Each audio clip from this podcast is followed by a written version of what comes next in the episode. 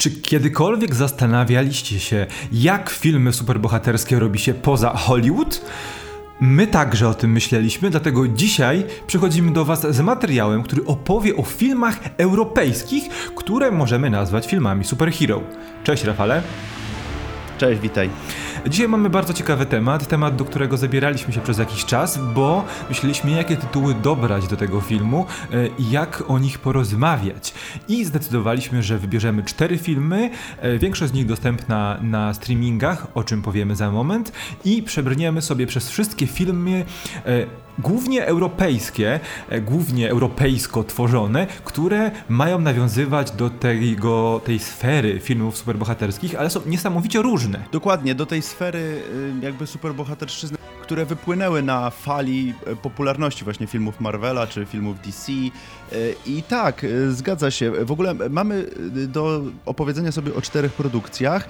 Y, ale właśnie raz, że niesamowicie różnych produkcjach, y, plus to jest takie trochę y, meta jakby, bo mamy dwie produkcje, które są, jakby dzieją się w naszej rzeczywistości, a też opowiadają o tej jakby tematyce superbohaterowej, superbohaterskiej, więc to jest jakby też ciekawe podejście, którego nie widzieliśmy jeszcze w kinie, tak mam wrażenie, przynajmniej tym takim wysokobudżetowym. No dobrze, więc zabierzmy się za omawianie i będziemy sobie przechodzić od filmów wyprodukowanych najwcześniej do tych najnowszych. E, więc rozpoczniemy sobie od rosyjskiego smaczka, rosyjskiego rodzynka, bo o filmie Guardians Misja Bohaterów. Jest to film z 2017 roku i my oglądaliśmy go już dwukrotnie. Tak nas zafascynował koncept rosyjskiego filmu o drużynie superbohaterów, że, że musieliśmy kilkukrotnie ten film obejrzeć. No i jest to film bardzo ciekawy też z tych zakulisowych powodów. No bo ten film miał budżet wyłącznie 5 e, i w sumie pół... nawet ciekawsze, cie... tak. ciekawsze te zakulisowe powody. No bo film miał budżet 5,5 miliona dolarów, co no świadczy o tym, że naprawdę musiał sobie poradzić e, z, z okrojonym budżetem, tak? To raz. Dwa, miał mieć sequel i sequel był uzależniony oczywiście od y, powodzenia jedynki i miał rozszerzać uniwersum bohaterów nie tylko o e, bohaterów rosyjskich czy też z byłych republik radzieckich, ale też o bohaterów z Chin. W drugiej części, y, druga... I w ogóle miał być wpół, y, jakby współprodukowany Tak, właśnie, miał, miał być kooperacją, i... tak. Dokładnie. No niestety, co prawda film zarobił, no bo przy tak, jak wspomniałeś, tym 5-milionowym budżecie e, zarobił nieco ponad 15 milionów dolarów w przeliczeniu. E, no natomiast niesamowicie został zmiażdżony przez krytykę i fala hejtu, jaka się wylała. To swego rodzaju tam w 2017 roku po wyjściu, to mam wrażenie, że to był trochę film mem, który tak nawet u nas w Polsce on się pojawiał jako gdzieś tam na jakichś stronach, jako właśnie taki film mem z tym e, pół człowiekiem, pół niedźwiedziem, e, taki e, dość nieudolna próba, tacy Avengers dla biednych powiedzmy, gdzie faktycznie widać tą inspirację bardzo, bardzo wyraźnie. Natomiast no tutaj brak funduszy i brak jakby, wydaje mi się, że też trochę talentu twórców, no spowodował, że dostaliśmy to, co dostaliśmy.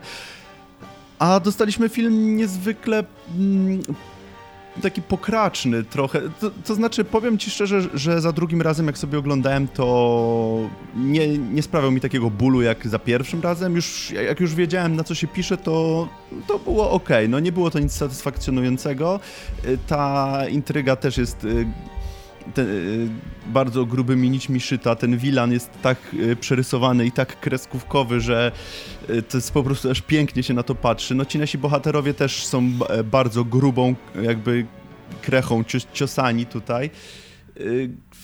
Więc no, można obejrzeć, aczkolwiek nie wydaje mi się, żeby to był to jest chyba ogólnie, obo, oboje uważamy, że to jest chyba najgorszy z tej stawki, e, o której dzisiaj rozmawiamy. Tak, dlatego też od niego rozpoczynamy, ale wiesz jaki jest największy grzech tego filmu według mnie?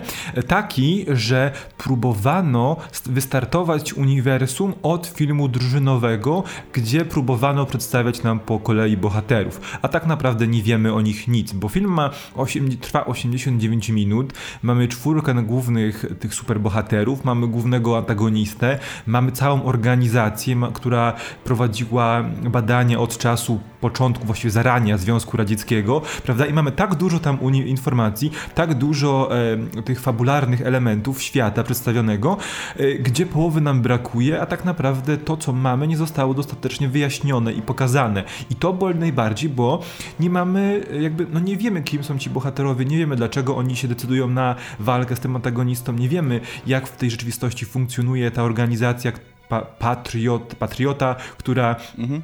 E, ich zrzesza i tak dalej, i tak dalej.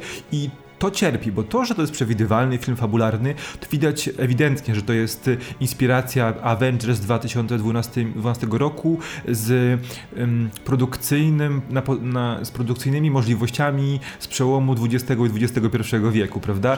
Na poziomie wytwórni Asylum. No właśnie, więc to widać wyraźnie i przy, poznając budżet tej, tej produkcji nie można mieć za złe tego, że ten film wygląda tak, a nie inaczej, bo on wcale aż tak źle nie wygląda jak na te pieniądze. Jednocześnie bardzo słabo prezentuje się pod względem fabuły, świata i bohaterów. I to jest największy problem tego filmu.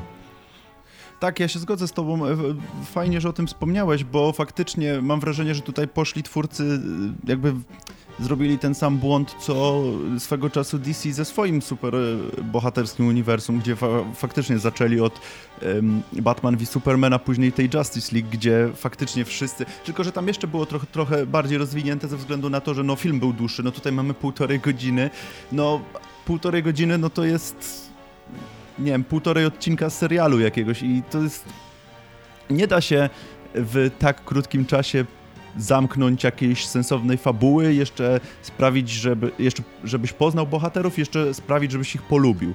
No to jest niewykonalne. Tak, e, i zostawmy to już na boku, bo to zresztą oceny, oceny wyraźnie sugerują, jakiego to jest e, poziomu film, ale ci bohaterowie, bo oni są bardzo interesujący, bo to jest drużyna, która przetwarza, łączy wiele e, typów bohaterów, których znamy czy to z Marvela, czy to z DC, prawda? No bo mamy, mm, mhm. mamy główna drużyna składa się z czterech, z czterech osób. Mamy Arsusa, czyli pół, pół niedźwiedzia, pół człowieka, o czym wspomniałeś, który jest naukowcem, jest takim odpowiednikiem trochę Halka w tym uniwersum. Tak, e, tak, tak. Mamy Hana, który jest e, asasynem, szybko biegającym, szybko poruszającym się asasynem.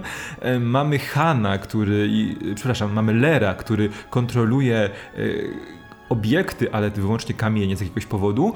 No i mamy Ksenię, która jest y, no, Sustorm tego uniwersum, ale znika tylko w wodzie. A, trochę Black Widow też. trochę tak, połączenie. Tak.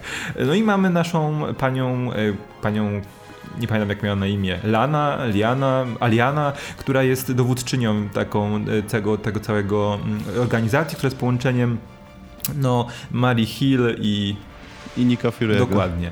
No i to jest tak główna oś, no i mamy takiego prze, przedziwnego antagonistę, który jest jakimś takim połączeniem no, szalonego naukowca. Absolutnie nie wiadomo do czego go porównać. Jest po prostu zły dla bycia złym, jest jakimś radzieckim naukowcem, który wygląda trochę jak Bane. z jakiegoś powodu ma, trochę wygląda jak Bane, ale z drugiej strony jest też, y, nie wiem, chce przejąć kontrolę nad światem, jakąś armię zrobić. W ogóle, to w ogóle najlepiej pominąć tego antagonistę, bo tam w ogóle ja nie rozumiem tego wątku, o co tam chodzi. No, najważniejsze jest to, że nasi bohaterowie muszą go pokonać. No i, no i to tyle, tak. I w sumie tyle. Na końcu jest oczywiście wielki, wielki promień w kosmos i prawie, prawie, że w kosmos i siła przyjaźni, która pokonuje tego złego. I to wszystko, prawda?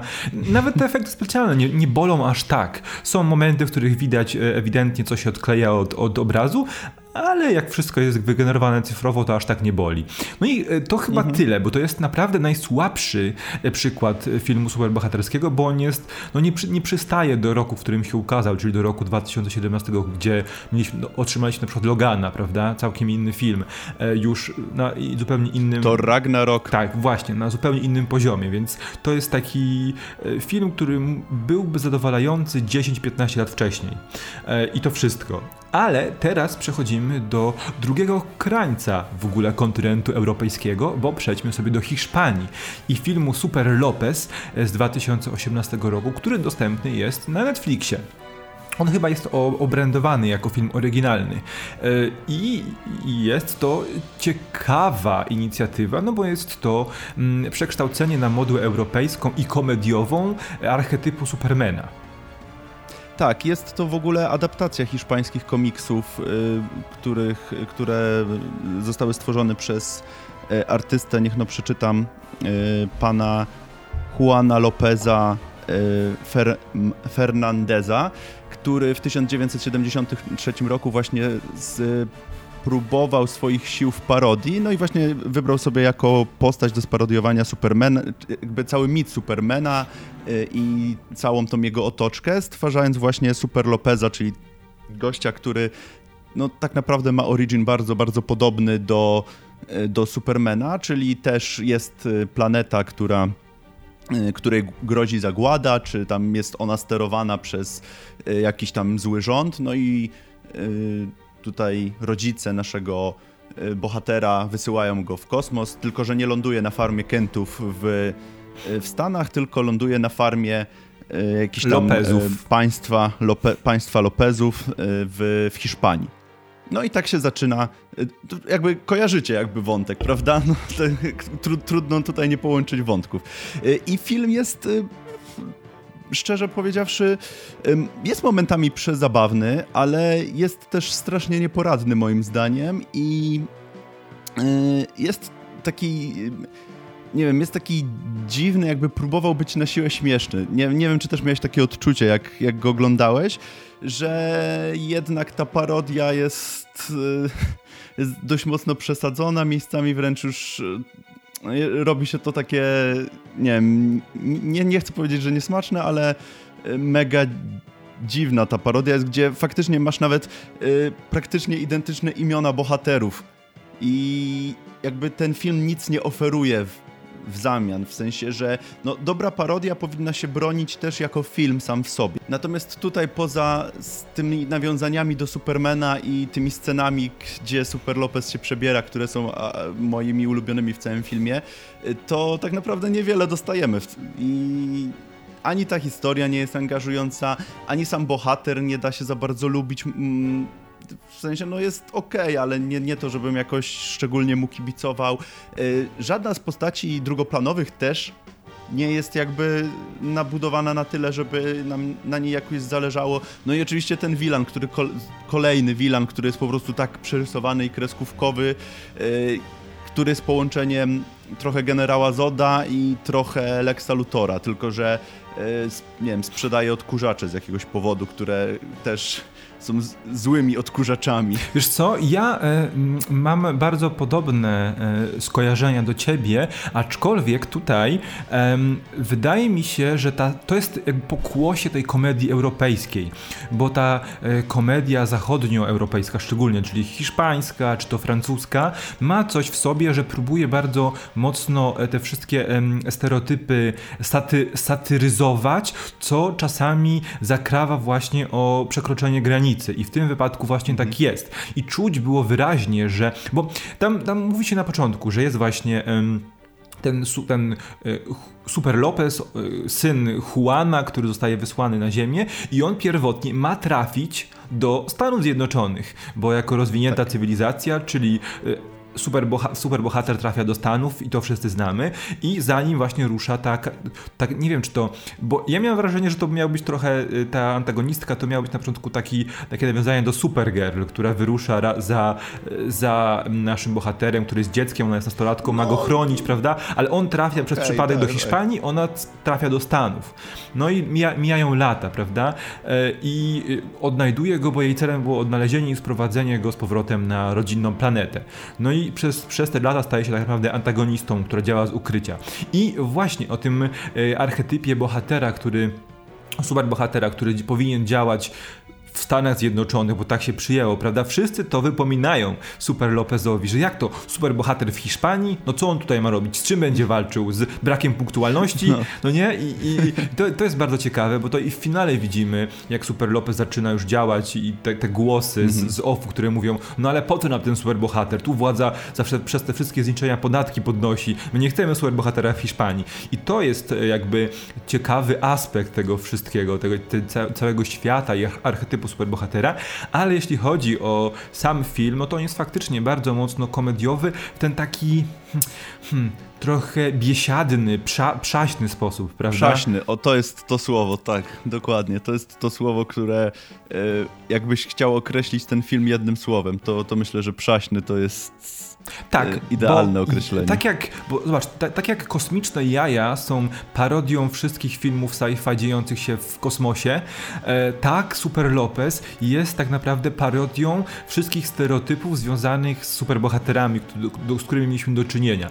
I to jest bardzo typowe chyba dla tego takiego e, kina satyrycznego, szczególnie tego kina europejskiego. I no, i e, tak jeszcze na koniec, ja chciałbym powiedzieć o e, wymianie zdań na naszej poza, poza ekranowej, bo po obejrzeniu tego filmu napisałem ci, że mimo tego, że jest to bardzo przeciętny film, to ja nie miałbym nic przeciwko, żeby taki film powstał w Polsce. Tego typu mhm. film superbohaterski, który miał być parodią czy satyrą, bo my tak naprawdę mamy raz, że klimat do takich filmów, dwa, że mamy też e, materiał źródłowy, który można było wykorzystać. Zdecydowanie. Mamy komiksy z superbohaterem, który się nazywa Wilku. Zresztą mam wrażenie, że to gdzieś y, na bazie, tych, na bazie tych komiksów powstała też jakby animacja, e, ale e, mam wrażenie, że to jest dobry potencjał tutaj dla twórców, szczególnie, że jest faktycznie klimat na świecie na tego typu produkcje, e, a tak naprawdę jakby w polskich realiach, czy adaptacja na przykład tego, konkret, tej konkretnej historii, o której y, tutaj mówię, y, nie wymagałaby jakichś dużych nakładów, czy to finansowych, y, czy ogólnie produkcyjnych, ze względu na to, że jakby w tych komiksach chodzi o coś, o coś zupełnie innego, więc ja bym był bardzo, bardzo zadowolony, gdyby. Albo nawet jeżeli nie, no to jak gdyby twórcy polscy spróbowali swoich sił. Y, no hej, rok temu dostaliśmy polską odpowiedź na Szybkich i Wściekłych, więc dlaczego by nie zrobić jakiegoś filmu superbohaterskiego w naszych realiach? No właśnie. Okej, okay. i teraz przejdźmy do jednego z tych już lepszych filmów, których, o których sobie porozmawiamy, aczkolwiek filmu, który jeszcze nie jest filmem idealnym, bo zepsuł wszystko swoim finałem. Przejdziemy do niemieckiego filmu e, zatytułowanego Freaks, który ukazał się w bodajże tak, 2 września tego roku. No i jest też taką ciekawą, e, ciekawą interpretacją tego archetypu superbohatera, czy są oni nam potrzebni, czy powinniśmy się ich bać, czy jednak czekać na to, aż przyjdą i nas uratują. I znaczy... to jest właśnie ten film osadzony w naszej, w naszej rzeczywistości trochę bliżej nam, bo to, bo to produkcja niemiecka, tak jak wspomniałeś. E, znaczy, każdy z tych filmów, o których my tutaj rozmawiamy, to jest jakby e, jakaś e, opcja, jakby tych znanych, znanych superbohaterów, no bo tak, Guardians no to byli Avengers, Super Lopez no to był Superman, natomiast Freaks to mamy motyw mutantów i X-Men. I jakby wokół tego y, się kręci ta y, historia, no bo mamy grupy, grupę ludzi, którzy tak naprawdę są y, odmieńcami. No mają supermoce, ale jest tajna organizacja rządowa, która podaje im pigułki, które tłumią ich supermoce, żeby nie wyszło na jaw, że oni są, ze względu na to, że społeczeństwo się ich boi. Boi się ich mocy, boi się tego, co może się stać, co oni mogą zrobić. Mamy tutaj konflikty również y, wewnętrzne, bo mamy y, tych superbohaterów, którzy są dobrzy, którzy tak naprawdę y, nie za, jakby no wykorzystywaliby swoją, swoją moc w dobrych celach, no ale mamy też tych ludzi, którzy tak naprawdę są źli, no i stają się tutaj sam tutaj przyjaciel głównej bohaterki, który staje się tak naprawdę złoczyńcą w, w, w, finale, czy już nawet no, staje się nim przez cały film tak naprawdę. I to jest ciekawe moim zdaniem, bo faktycznie dostajemy tutaj odpowiedź na takie, znaczy zadaje nam ten film takie pytanie, co byśmy zrobili w rzeczywistości, gdybyśmy faktycznie, y, no gdyby, nie wiem, superbohater był twoim sąsiadem, czy twoją, nie wiem, matką, czy, czy kimkolwiek z twojego otoczenia. Y, I jest to zrobione to jest, ja tutaj oczywiście wyolbrzymiłem do, w nawiązaniu do tych X-Men, bo no, nie mamy tutaj takiej grupy superbohaterów, tylko to się dzieje wszystko na takim bardziej ulicznym poziomie tutaj. Ja bym porównał to do innej produkcji, bo e, mi bardzo wyraźnie skojarzył, ten film skojarzył się ze Stranger Things i eksperymentem w zamkniętym zakładzie, gdzie pewna organizacja rządowa z pewnym e, lekarzem, który jest odpowiedzialny za wszystkich tych, e, te wszystkie te obiekty specjalne, który chce zrobić wszystko, żeby nie wypuścić ich na wolność, żeby świat nie ujrzał, e, światło dzienne nie, nie, nie ujrzała ta na światło dzienne nie wyszła ta tajemnica, a jednocześnie chce im pomóc, bo tak cały czas e, mówi, że chce im pomóc. I bardziej, bardziej mi się z tym skojarzyło, chociaż oczywiście no, X-Meni, e, mutacja genetyczna, kolejny etap New ewolucji, to wszystko tak, to wszystko tam było, ale wydaje mi się, że tutaj ten doktor czuwający, pani doktor czuwająca i wmawiająca im wszystkim, że są chorzy i że musimy e, was kontrolować przed światem i przed wami samymi są najważniejsze. Ale fajnie, że wspomniałeś bardzo mocno, bo ten element niemiecki, on jest bardzo specyficzny, bo my to już chyba mówiliśmy niejednokrotnie, że nam się te seriale czy filmy Netflixa niemieckie bardzo podobają z tego, z, z powodu tego świata, krajobrazu, bo on jest niezwykle podobny do polskiej przestrzeni. I tak mocno można utożsamiać i widzieć historię, która świetnie by mogła sprawdzić się w naszych warunkach i dobrze byłaby odebrana przez Polaków. I tutaj widać to ewidentnie, bo ten świat wygląda zupełnie jak nasza prowincja, nasza jakaś ta mniejsza miejscowość, czy średniej wielkości miejscowość. Ba, jeden z bohaterów po na imię Marek więc e, to, to jakby kolejna, kolejna rzecz, którą można no tak. utożsamiać tak. z, z klimatem polskim. No i mamy tutaj bardzo ciekawą rzecz, bo mamy właśnie zwykłych ludzi, którzy teoretycznie borykają się z, problem, z problemami natury psychicznej, którzy dostają tabletki i którzy no, są, ta ich, e, ta ich moc jest gdzieś tam chowana głęboko w nich. No i pytanie, tylko wiesz jaki był problem? Miałem jeden problem, bo ten Marek, ta postać, która zwraca uwagę na to, że jesteś inna, e, ta Wendy jest inna mhm. niż wszyscy, jesteś taka jak my i tak dalej, i tak dalej, przestań brać tabletki, odkryjesz swoją moc. On ją motywuje do, do tego działania, a jednocześnie na końcu mówi, że może lepiej nie, może porzućmy to wszystko i ukryjmy się ponownie. Jakby na poziomie fabularnym już jest jakiś problem, bo mhm. nie mamy tego ciągu przyczynowo-skutkowego, prawda? Trochę Gość, tak. który inicjuje, inicjuje całą, całą, cały przebieg zdarzeń, na końcu się wycofuje i ucina ten, ten, tę fabułę. I to jest te chyba takie problematyczne. No i ogromnym problemem jest też ten finał. Finał, a w szczególności jest... też te ostatnie sceny. Mhm. Tak, bo my tu mamy taki klimat tajemnicy, trochę tego, nie, że nie wiemy skąd oni się brali, że to jest taki bardziej europejski film z elementami y, thrillera, kryminału. Nie wiemy, czy być może, a być może oni są po prostu chorzy, prawda? Mhm. Nie mają supermocy. Tego nie wiemy, bo z dwóch stron nam świat, historia przedstawia, ze strony tych głównych bohaterów i tej organizacji, która nad nimi czuwa, a na końcu dostajemy taki typowy, tani zabieg z filmów superhero klasy B, rzekłbym, teraz trzeba odkryć całą tajemnicę, z, z, z, odkryć wszystkich ludzi z mocami, zjednać się i walczyć o nasze, takie właśnie jak z, z X-Menów z, początku. z początku.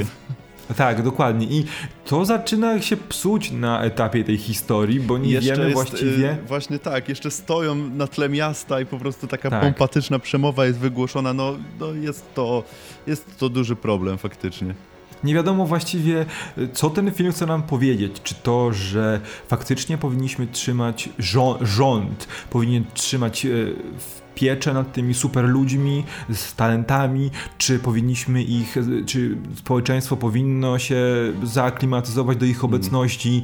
Nie, nie wiemy właściwie, nie mamy odpowiedzi, czy to jest urojenie, czy tylko, me, czy może gdzie jest ta granica pomiędzy superbohaterem a superzłoczyńcą, bo te tematy są poruszane przez cały film, a na końcu ciach odcinamy, otwarta furtka na, na sequel, teraz wam no, nie powiemy nic więcej, to wszystko, prawda? Domyślcie się i to jest, to jest, no trochę, jest to trochę, problem, bole, trochę bolesne. Mhm. Słucham?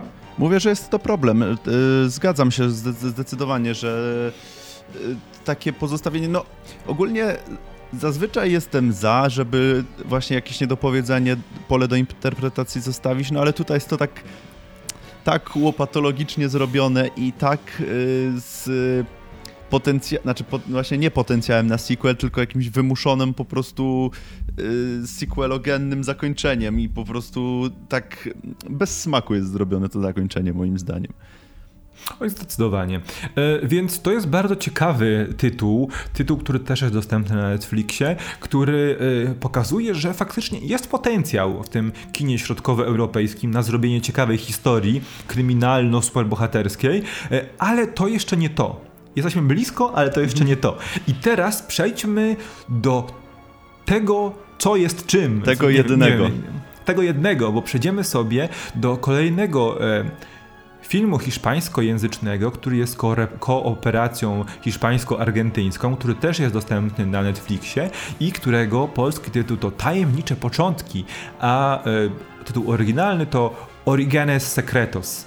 E, I, I teraz, bo jest to niesamowita historia, bardzo ciekawa historia, która oczywiście ma tam jakieś drobne elementy, które można byłoby poprawić, które też wynikają pewnie z licencji różnego rodzaju, ale naprawdę świetne połączenie filmów superbohaterskich, filmu detektywistycznego, e, nawiązań do popkultury superhero, do Kick-Essa, do Watchmenów, do nawet e, Dark Knighta Nolana. Jest tam naprawdę dużo fajnych elementów, które sprawiają, że kurczę, myślisz sobie, że jednak można. Prawda? Że jest w tym potencjał, faktycznie. To jest drugi film, bo jak wspominałem na samym początku materiału, mamy dwa filmy, które właśnie jakby dzieją się w naszej rzeczywistości. No to pierwszy to był Freaks, a tu jest drugi, gdzie faktycznie tych nawiązań do popkultury, do Ba, no jakby cała intryga jest e, z, jakby z, zrobiona pod to, że mamy mordercę, który y, zabija w taki sposób, żeby to wyglądało na originy superbohaterów komiksowych. Więc jakby już sam, sam koncept tego filmu i ten zarys fabularny już powinien, powinien tutaj w, w fanach tego typu kina wzbudzić przynajmniej zainteresowanie.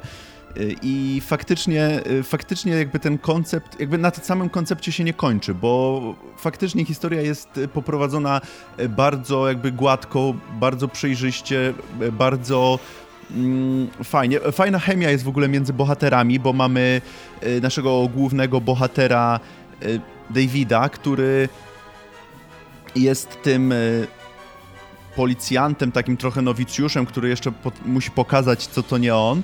Natomiast jego partnerem zostaje gość, który prowadzi sklep z komiksami i przy okazji jest e, synem policjanta, który odchodzi akurat na emeryturę. E, no i prowadzi sklep z komiksami, więc zostaje e, tutaj śledczym czy specjalistą w sprawie tego, tego mordercy zabijającego według originów komiksowych. No i mamy tego takiego młodego, nabuzowanego policjanta, który musi udowodnić, co to nie on i tego takiego stereotype, stereotypowego grubaska ze sklepów z komiksami, zarośniętego, który się nie myje y, I, i, ta relacja jest taka bardzo komiczna, y, ale też bardzo fajnie jest poprowadzona, no bo oni się muszą dotrzeć, no i dociera, jeszcze w międzyczasie mamy wątek z panią komisarz, która też tutaj jest jakby trzecim ogniwem w, tym, w tej relacji. I tak, i dla, dla, samej tej relacji, i tutaj jak, jak ci nasi bohaterowie się do, docierają, to warto sprawdzić ten film. E, już pomijam Wiesz... to, że jakby sama historia jest dość ciekawa. Tak, bo tutaj jest wiele motywów, które mogą przeszkadzać, bo mamy e, to, że jest ten młody e, detektyw, inspektor po europejsku z jakąś ciężką przyszłością, która ujawnia się na pewnym etapie. Mamy tego jego doradcę ślamazarnego, ale który ma wiedzę w danym, w danym temacie. Jest ten seryjny zabójca, który inscenizuje e, te elementy originów superbohaterów i wszystko sprowadza się do tego, że teoretycznie ten Dawid Valentin też jest tworem tego super e, złoczyńcy, tego seryjnego mordercy, ale przez długi czas jakby odrzuca całkowicie ten koncept, że co, co superbohaterowie mogą w życiu zrobić. On jest całkowicie poza, prawda, jest chłodnym, zimnym, kalkuluj, kalkulującym po policyjnemu e, detektywem, który mm. absolutnie nie chce mieć nic wspólnego z tymi geekowymi, nerdowymi rzeczami. Zabawami ta, dla dzieci Tak, jest też ta e, właśnie pani komisarz, szefowa Wydziału Zabójstw Norma, która po prostu bawi się w cosplay i jest połączeniem tych dwóch światów, prawda? Jest mocną, stanowczą, y, piękną kobietą, która jednocześnie przebiera się w stroje z anime, która spędza wieczory szyjąc kostiumy, prawda? Jest takie połączenie dwóch światów. Mhm. No i jest ta cała, cała otoczka, gdzie ten nasz bohater musi się przekonać, musi też na, jakby wytworzyć nowe relacje z, z całym z całym otoczeniem, prawda? Jest ten Kosme, czyli ojciec tego Jorge Eliasta, który jest takim mentorem tego naszego głównego Dawida Valentina, detektywa, który przychodzi na emeryturę. Jest tam cały świat, to się wszystko dzieje w Madrycie. Cały świat jest na przestrzeni tej godziny, 30 minut, 40 minut świetnie rozpisany, prawda? I to jest aż dziwne, e, że tu się udało, a w poprzednich trzech filmach były z tym problemy, prawda? Tutaj ktoś naprawdę przysiadł i bardzo fajnie to wszystko połączył. No i nasz e, antagonista, e, nasz seryjny morderca, super złoczyńca, też jego e, zamiary są bardzo ciekawe i w finale oczywiście, dla, jak to w typowym, w typowym filmie tego typu, zdradza swoje motywy, ale jednocześnie myśli, że, no, że okej, okay, ma trochę racji, to wszystko, ma to sens, ten, jego, ten, jego pomysł, ten jego pomysł nie jest wcale taki głupi, prawda? Może Dokładnie. liczy na zbyt wiele zbiegów okoliczności, że faktycznie się sprawdzą to, co sobie założył w planie, ale poza tym to ale nie jest sam głupie. główny trzon pomysłu nie jest, nie jest głupi, y, to jak najbardziej się zgadzam. Y, plus faktycznie wspomniałeś o tym, że akcja się dzieje w Madrycie y, i to też jest takie trochę nieoczywiste i takiego dodaje trochę klimatu innego niż, niż jakiś taki typowy film amerykański, gdzie większość rzeczy dzieje się w Stanach, bo no niby miasto jak miasto miasto, ale nie wiem, ja miałem wrażenie, że trochę jednak y, ten y, ten taki klimat hiszpański tam gdzieś się przebijał. Y, i też bardzo, jeżeli jeszcze chodzi o aspekt techniczny, to jakby kolory tego filmu mi się też bardzo podobały, jakoś tak były też dopełniały jakby kadr i tak przyjemnie się to oglądało. Wszystko taki nasycony kolorami był ten film. Ale ja się zgadzam, bo muzyka była świetnie dobrana. To była muzyka bardzo w stylu e, Cimera. Mhm. E, te kadry na miasto, wiesz, to takie mroczne, trochę złowrogie, gdzie czai się, gdzieś gdzie się czai w mroku zło. Też Dużo neonów bardzo też fajnie. było, prawda? Dużo neonów, tak. Więc tutaj były wszystkie elementy tego amerykańskiego filmu super, superhero, klasycz, bardziej klasycznego, ale jednak i mnóstwo tych elementów europejskiego e, kina kryminalnego.